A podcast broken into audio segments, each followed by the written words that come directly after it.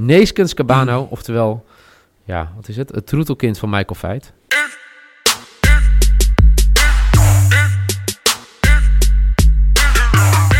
Zo, het is een hele bijzondere dag. In ieder geval in Engeland, op deze dinsdag 4 augustus 2020. Want op deze dag valt er een beslissing wie zich volgend jaar, of eigenlijk volgend seizoen, mag melden in de Premier League. Is dat Brentford of is dat Fulham? We gaan het eh, meemaken vandaag. Het is een eh, wedstrijd waar altijd iedereen enorm naar uitkijkt. Toch? Ja. Noeke? Toch, Ja, zeker. Michael? Ja. ja. Eh, het enige gek is alleen, ik heb geen idee of wij hem überhaupt in Nederland kunnen kijken. Eh, nog steeds niet. Nee. Nee. Nee, toch? Ik dacht, eh, misschien eh, koopt iemand nog wel de rechten aan voor de finale op Wembley. Maar eh, niet op een legale manier te zien in Nederland. Helaas, dramatisch ook. En, ja, jeetje mina. Ehm Vorig jaar zat ik in, vast- in Engeland hier Ja. voor deze wedstrijd. Dus ik zat in Birmingham te kijken hoe Derby en, eh, en Villa tegen elkaar moesten spelen. Villa, hè? Ja, El Ghazi was er toen, toch? Ja. klopt. En, en ook echt prachtig, omdat je dan... Dus je hebt twee teams, één uit West Midlands, één uit East Midlands. Die dan tegen elkaar moeten. En dan als je de hele volle pub hebt. Nou ja, dat was echt wel even een dingetje, zeg maar. Heerlijk. Ja. Ehm, het wordt in ieder geval een eh, ware... Ja, eh, eh, het is een fantastische finale. Dat is sowieso. We hebben er natuurlijk de afgelopen weken naartoe gewerkt. Met de slotdag. De krankzinnige slotdag van de championship. daarna de play-offs. En uiteindelijk Brentford vrij eenvoudig door. En Fulham was eigenlijk al door naar de eerste wedstrijd. Uiteindelijk twee keer voor mij wel een doelpuntje... wat nog het verschil had uit kunnen maken dat we waren gaan verlengen in beide finales. Al half finales, maar uiteindelijk eh, was het eh, vrij soepel voor beide ploegen. En dan komen we in een finale terecht. Ja, ik heb er, ben er een beetje in gaan duiken. Dat, ik verwacht dan een finale, eh, veel spektakel, veel doelpunten. Maar uiteindelijk, heb ik gezien de laatste jaren, zijn de doelpunten zeer schaars, eh, Michael. Dat klopt. Ja, Hoe komt dat, Hoezo, verwacht jij dan ook veel doelpunten? Nou, als je naar Brentford kijkt, in ieder geval het gevoel wat ik bij Brentford heb, is dat ze veel doelpunten scoren. Dat, eh, de statistieken eh wijst dat voor mij niet uit. Maar dat is het gevoel wat ik bij Brentford heb. En eh, ja, als je kijkt ook wat Fulham nu... Fulham vier doelpunten? Nee, drie doelpunten gemaakt in de afgelopen twee wedstrijden. Ja. Nou, dat valt op zich nog wel mee. Maar dat is gewoon het gevoel wat je erbij hebt. En ja, dan eh, ga je de, de laatste finales kijken, de laatste jaren. En voor mij was eh, de finale vorig jaar voor het eerst in een aantal jaar dat er meer dan eh 2,5 doelpunt werden gemaakt. Dus eh, Maar het is sowieso... wel- eh, kijk, er zijn zoveel statistieken over zo'n wedstrijd. Alleen de, de sample size is heel klein. Het is één wedstrijd, het is op neutraal gebied. En, Ja. en je ziet gewoon hele grote verschillen over de afgelopen paar jaar. Ehm, ja, dat, dat blijft gewoon heel interessant. En ehm, ja, wel best wel leuk, want ik zit nu het boek eh The Numbers Game te lezen. Dat is een heel leuk boek over ja, eigenlijk eh, alles, eh, best alles wat je leuk vindt aan voetbal. ja, En een van de hoofdstukken die gaat eigenlijk specifiek over deze wedstrijd. Over in 2009 bij Reading. Dat eh Zurab eh Kizanishvili eh, geel krijgt, drie fouten maakt. eh, waaronder een penalty weggeven en dan nog eens een keer rood krijgt. En dat je, dat je team eigenlijk maar zo goed is als je zwakste schakel. En dit soort wedstrijden, grote wedstrijden, die om 200 miljoen gaan. Nee, iedereen staat onder een vergrootglas, dus niemand durft echt risico te nemen. Iedereen wil zeg maar, zorgen dat ze niet eh, die fouten maken. Ik denk dat je daarom gewoon heel weinig, eh, heel weinig doelpunten ziet. mhm. Vraag is of bij Brentford en Fulham, die inderdaad wel een hele spannende eindfase hebben meegemaakt, of dat waar gaat zijn. ja. Wat zeg je gevoel? M- Mijn gevoel zegt eh, eigenlijk hetzelfde, dat er heel weinig doelpunten gaan vallen. Maar ik doe over 2,5 doelpunten voor mijn risk. Dus Toch? Ik vond, hem wel, ik vond hem wel heel opvallend toen ik die zag staan. Ik denk, ja, het enige wat, wat, wat mijn gevoel inderdaad ook zei, van er gaat geen, gaat geen doel, of weinig doelpunten vallen, want iedereen gaat voorzichtig doen. En iedereen is in- inderdaad bang om fouten te maken. En dan zie ik toch opeens up risk over 2,5 goals. Nou ja, Ja. het zou kunnen. Overigens, ik, ik heb altijd jarenlang het, eh, de wedstrijd van 200 miljoen genoemd. Eh, ik zag iets voorbij komen van eh, Deloitte dat het 160 miljoen pond is. Dus dat is 180 miljoen euro. En zelfs voor Fulham, als ze promoveren, Ah, is het bedrag een stuk lager. Omdat zij natuurlijk in 2019 Ja. eh degraderen uit de Premier League. En nog eh, gebruik maakten van de solidariteitsuitkering. Dus eh, Ah, voor de vorm, ik denk dat iedereen wel weet welke wedstrijd jij bedoelt. dat denk ik. Ja, Ja, dat denk ik ja. ook wel, ja. Eh, nou, je hebt in ieder geval je, je risk al weggegeven. ja, excuses daarvoor. nee, nee, geen probleem. Lekker logische volgorde weer. Nou, laten we bij Noeken wel bij de lok beginnen. Ja. Waar, waar kijk je naar? Nou, dit is eigenlijk ook weer wat er is gezegd. Het is een wedstrijd waarbij je eigenlijk heel veel statistieken gewoon eh, de prullenbak in kan donderen. En eh, wat ja, je weet het gewoon niet. Omdat het inderdaad zo'n zo'n één wedstrijd is, neutraal terrein en eh, alles of niets. Ehm, ik heb toch geprobeerd om nog een beetje te kijken van hey, is er iets ehm, in, de, in de cijfertjes te vinden. En het enige wat ik eh, heb gevonden zijn de corners voor, voor Fulham. Ehm, Brentford heeft de laatste, laatste wedstrijden echt heel weinig corners. Voor mij, voor mij max drie in de laatste zes wedstrijden. Ehm, en, en Fulham zit daar altijd boven. Dus ik ben gaan kijken naar teamcorners Fulham. En over 3,5 teamcorners staat op 1,53. En dat is mijn lok.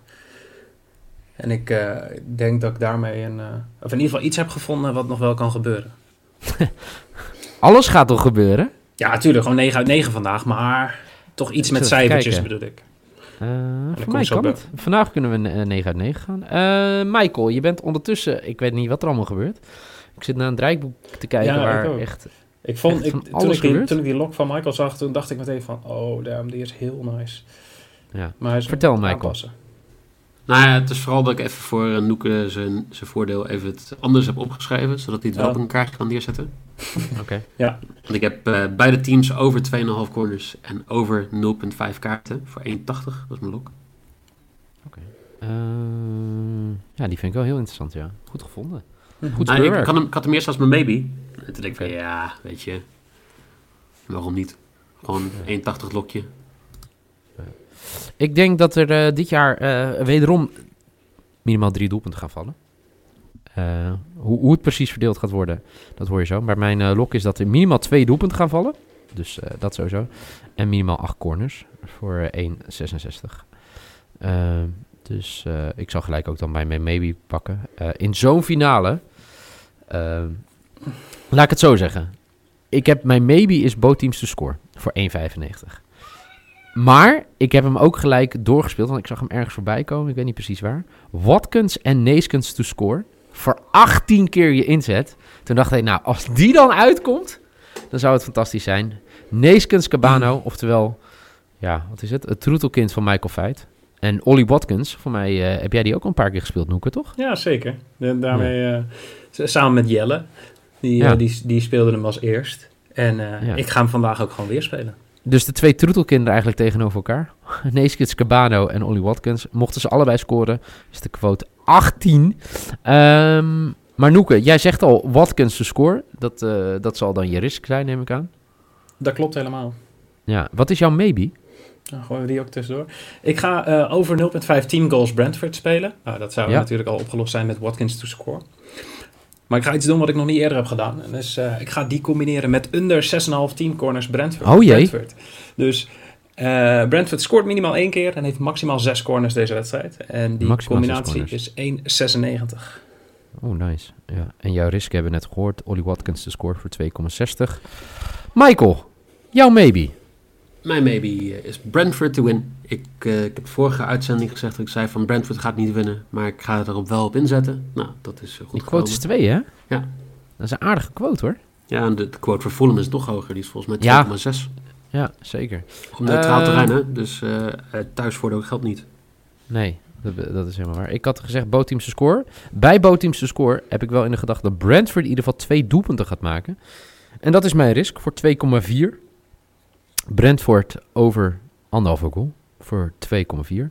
Dus eh, voor de mensen thuis die denken... Vanavond de wedstrijd van 160, 180, 200 miljoen. In ieder geval de wedstrijd om promotie naar de Premier League. Wat zijn de bets? Noeke heeft eh, zijn lok over 3,5 teamcorner voor Fulham. 1,53. Zijn maybe is minimaal één doelpunt van Brentford. En maximaal 6 corners voor Brentford voor 1,96. En Ollie Watkins, het troetelkindje van Jeffrey Noeke, die gaat scoren voor 2,6. Eh, Michael Veit, beide teams minimaal drie corners. En beide teams minimaal één kaartje voor 1,80. Eh Brentford gaat winnen, dat zegt eh, Michael, voor 2 is de quotering, dat is zijn baby. En zijn risk minimaal drie doelpunten in deze wedstrijd voor 2,20.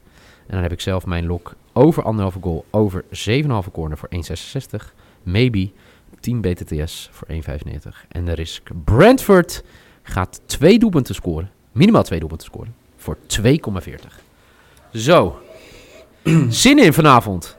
Ja, zeker. En wa- wat ik ook wel lekker vind, is dat dit een ideale opmaat is naar gewoon Europa League voetbal, Champions League voetbal. Wat er komende, het is zo raar. Het is hartje zomer. Ik denk dat de mussen van het dak afdonderen. En wij gaan het gewoon hebben over Europa League en Champions League voetbal de komende dagen met FC Betting. Ja, zeker. Wat een leuke vervanger is voor de Tour de France. Toch? Oh, Ja, want daar keek ik normaal niet naar. nee, ik ook niet. nou, normaal, ik, ik bleef daar gewoon... Ik nam daarvoor vrij eh, vroeger eh, zelfs. Gadver. Tour de Ik moet zeggen, ik heb het heel, heel vroeger wel Ja. gedaan, maar dat is op een gegeven moment gewoon gestopt. En ik eh, ben eigenlijk gewoon, ik kijk alleen nog maar voetbal. Ja, ik, eh, wil, ik wil zeggen dat eh, ik, ik- heb nooit eigenlijk heel erg boeiend gekeken. Af en toe, weet je, van die koninginnenritten. Zeg ik dat goed? Ja. Oké. Maar ik heb wel eh, vroeger eh, wel eh, in de buurt altijd een soort Tour de France's gespeeld. Met tijdritten en eh, etappes en zo. Dat, dat vond ik dan wel leuk. En, eh, ja, voor de rest... eh voor, voor de rest Super sportief ook. Maar ik moet wel zeggen, en dat doen die gasten heel goed. Die komen ook uit Zwolle. In ieder geval de initiatiefnemer, Bas Tietema. Ja. Met Tour de Tietema. Oh, ja. Leuk. Ik vind, ik vind het echt, eh, echt heel leuk om dit te Mhm. zien. Dus, eh, En, en even een persoonlijk dingetje, jongens. Eh, voor mij eh, werd van de week werd het eh, eh, eh, bekend dat de IPL, oftewel de Indian Premier League Cricket, weer gaat beginnen in waarschijnlijk september.